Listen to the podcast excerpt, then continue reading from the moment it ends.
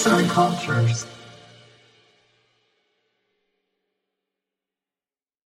Bir toplumun biyografisi. Sen hiç ateş böceği gördün mü? Sen hiç ateş böceği gördün mü adlı film ilk olarak 1999 yılında senaryosunu Yılmaz Erdoğan'ın yazdığı bir tiyatro oyunu olarak izleyiciyle buluşmuştur. Başrolde Demet Akbağ yer almış, canlandırdığı Gülseren karakterini kendisine has yorumlayarak müthiş bir oyunculuk sergilemiş ve Afife Jale tiyatro ödüllerinde yılın en başarılı müzikal ya da komedi kadın oyuncusu seçilmiştir.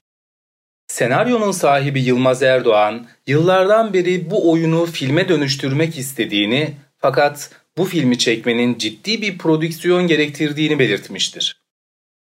Prodüksiyon süreci dijital yayın platformu Netflix tarafından çözülünce Yılmaz Erdoğan senaryoyu günümüze uyarlamak için 2020 yılında hazırlıklara başlamıştır.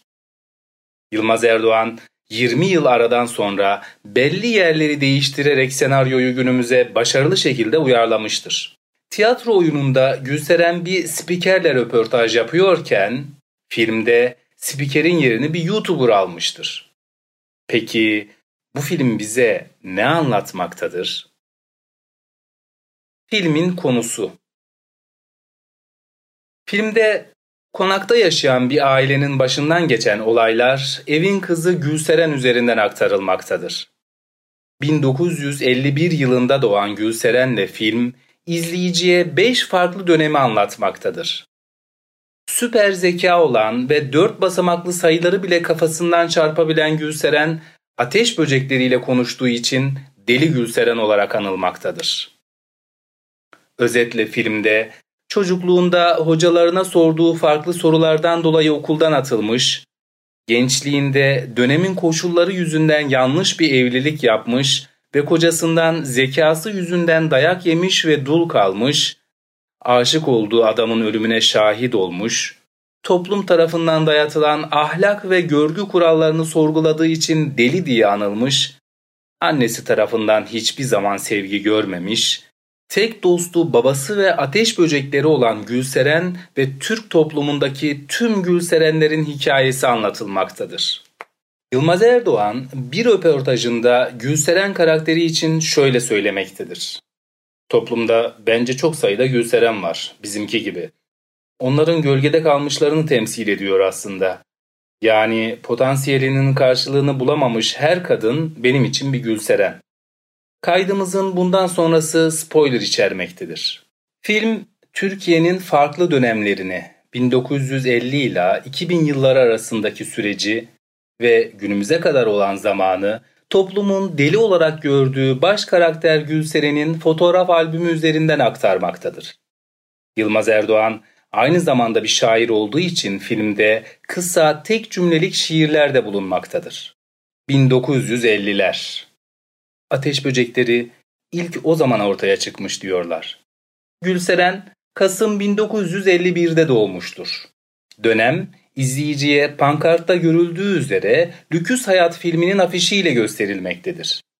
Bu dönemde ülkede anti-komünizm hareketleri vardır.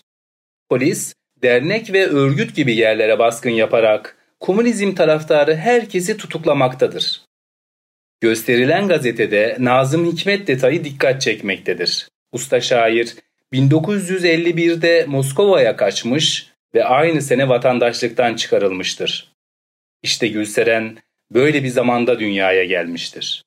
Doğduğu konakta cumhuriyetçi bir baba, komünist bir amca, dindar ve muhafazakar bir dayı, hafız bir hala ve toplumsal normlara göre hareket eden bir anne vardır. Burada bütün bu karakterlerin özenle seçildiği görülmektedir. Hepsi birer kesimi temsil etmektedir. Baba Nazif ailesini eski şaşalı günlerine döndürmek için memuriyeti bırakıp ticarete atılarak iyi de satmaya başlar. 1960'lar. Bana bir üçgenin iç açıları toplamını sordu. Ben de hocam bir insanın iç acıları toplamı kaçtır siz ondan haber verin deyince delirdi.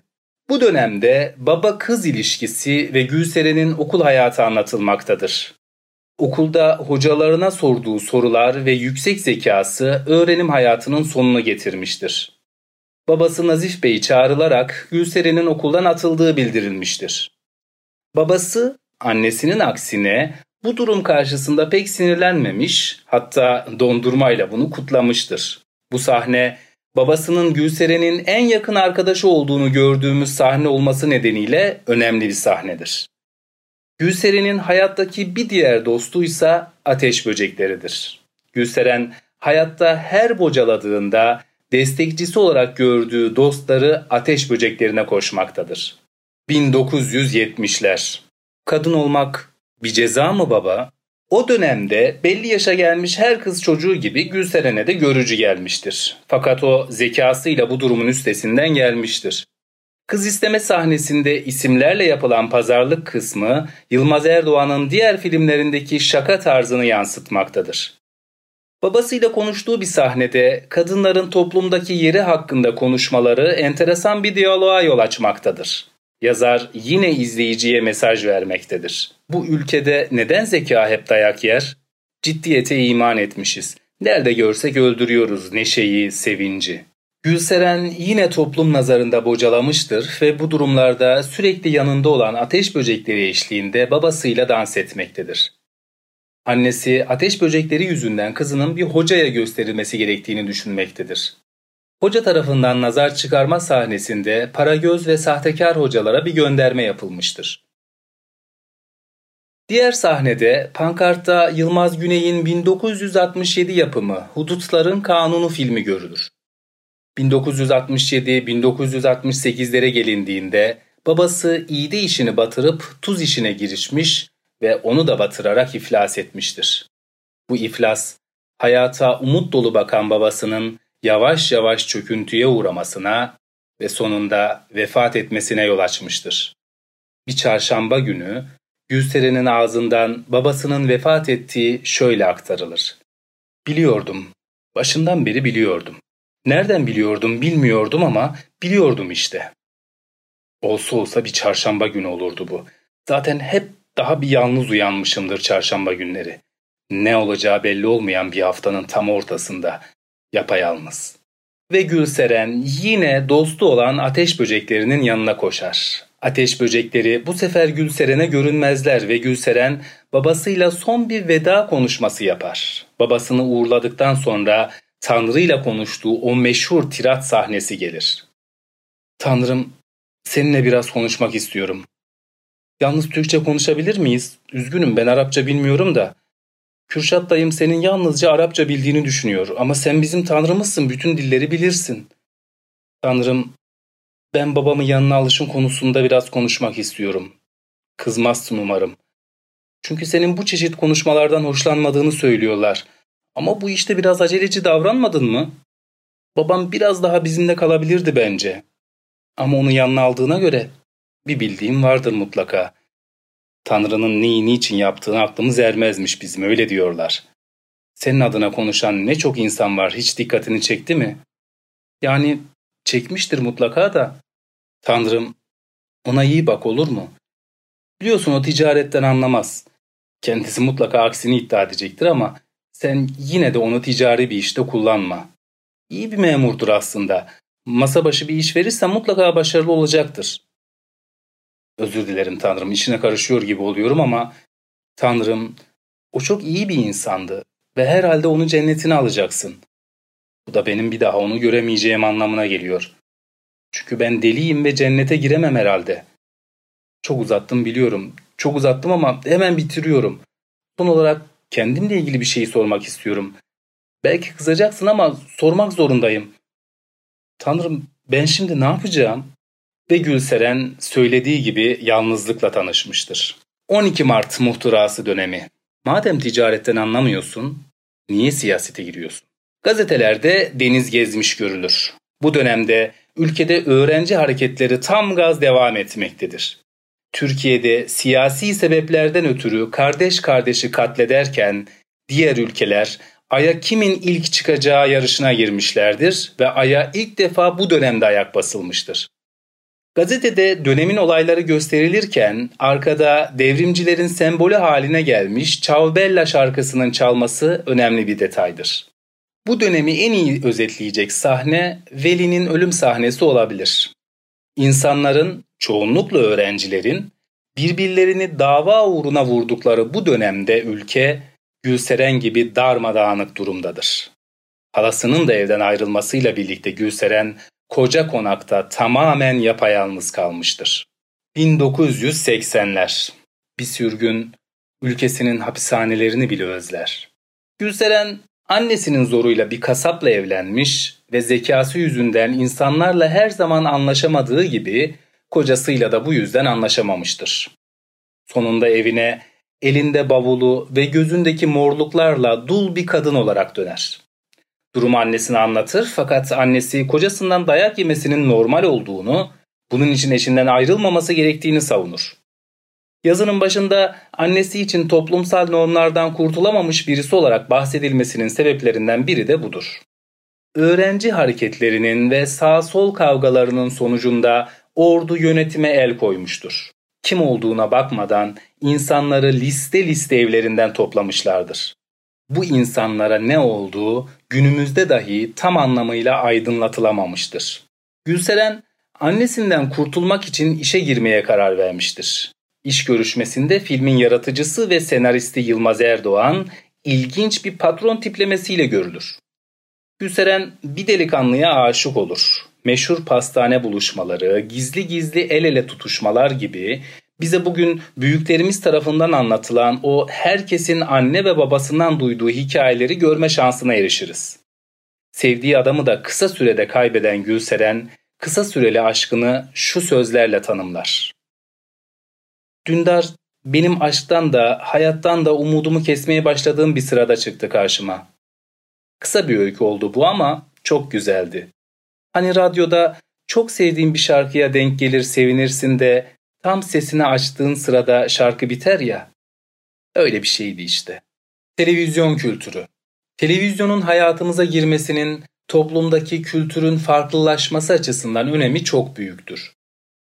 Eskiden insanlar mahallesinde kimde televizyon varsa onların evine o günkü programı izlemeye giderlerdi. Bu durum ilk bakışta komşuluk bağlarının geliştiğini düşündürse de dikkatli analiz yapıldığında tam tersi olduğu söylenebilir. Televizyonla birlikte sosyal normlar değişmeye başlamış ve televizyon sosyalleşme sürecinin en önemli aktörü haline gelmiştir. Daha önce aile ve çevreden öğrenilen bir takım öğrenimler televizyonda bireyin önüne çıkan program vasıtasıyla alınmaya başlamıştır. Çoğu zaman aile üyeleri birbirleriyle konuşmaktansa televizyon izlemeyi tercih etmiş ve bu durum aile içi iletişimi olumsuz yönde etkileyerek ebeveynlerin devraldıkları kültürü çocuklara aktaramamaları sonucu yeni nesil internet çağına girinceye kadar kültürü tam anlamıyla kavrayamamıştır. Televizyon Türk kültürünün deyim yerinde ise Truva atıdır. Başta bir hediye gibi gözükmüş fakat ne olduğu anlaşılıncaya kadar var olan kültürde tahribatlara sebep olmuştur. Filmde de bu fikir desteklenmekte, televizyonun evrimiyle ilgili üç dönem gösterilmektedir. Televizyonlar siyah beyazdan renkliye geçerken Gülseren ve annesinin hayatı renkliden siyah beyaz tek düzeye geçer. Yani televizyonun rengi ve hayatımızdaki önemi arttıkça hayat renkliliğini kaybetmiştir. Ve 2000'ler. 2000'lere gelindiğinde Gülseren deli olduğunu artık kabullenmiş ve oturdukları konağı otele çevirmiştir. Televizyon izlerken büyülenen insanları bu büyüden kurtarmaya çalışır fakat bunu beceremeyince televizyonu kırmayı tercih eder. Bunun sonucunda annesiyle bir tartışmaya girerler. Gülseren tartışmayı annesiyle yapar fakat annesinin söylediği sözler aslında toplumun ona söylediği sözlerden ibarettir. Bu kavganın sonucunda annesi vefat eder. Gülseren ateş böceklerine koşar fakat onları bulamaz artık tamamen yapayalnızdır. Film, Gülseren'in huzur evine gönderilmesiyle son bulur. Değerlendirme Filmde toplum nezdinde deli diye bakılan Gülseren'in gözünden bir ülkenin biyografisi anlatılmaktadır. Deli olan Gülseren olmasına rağmen bizce filmde aklı başında tek kişi Deli Gülseren'dir. Gülseren bir toplumun nasıl delirdiğini kendi gözünden aktarır. Belki de zamanla kaybolan ateş böcekleri bu insanların hoşgörüsü, samimiyeti, aşkı, sevgisi ve saygısıdır. Kısaca film kendini kaybetmiş bir toplumun 50 yıllık biyografisidir. Filmin ismi nereden geliyor? Filmin yaratıcısı Yılmaz Erdoğan bir röportajında bu konuyla alakalı şöyle der. Karamsar olduğum bir gün evimizin karşısındaki çalılıklarda bir şeyler gördüm. Gittim bir baktım bizimkiler. Toplantılarına denk gelmişim. Ateş böceklerini görürsen artık moralin bozuk olamaz. Çünkü doğanın en büyüleyici gösterilerindendir. Bir ateş böceğini gördüğümüz anı unutamayız. Peki siz hiç ateş böceği gördünüz mü? Yazan Alpagut Aykut Tüzemen Seslendiren Mustafa Yılmaz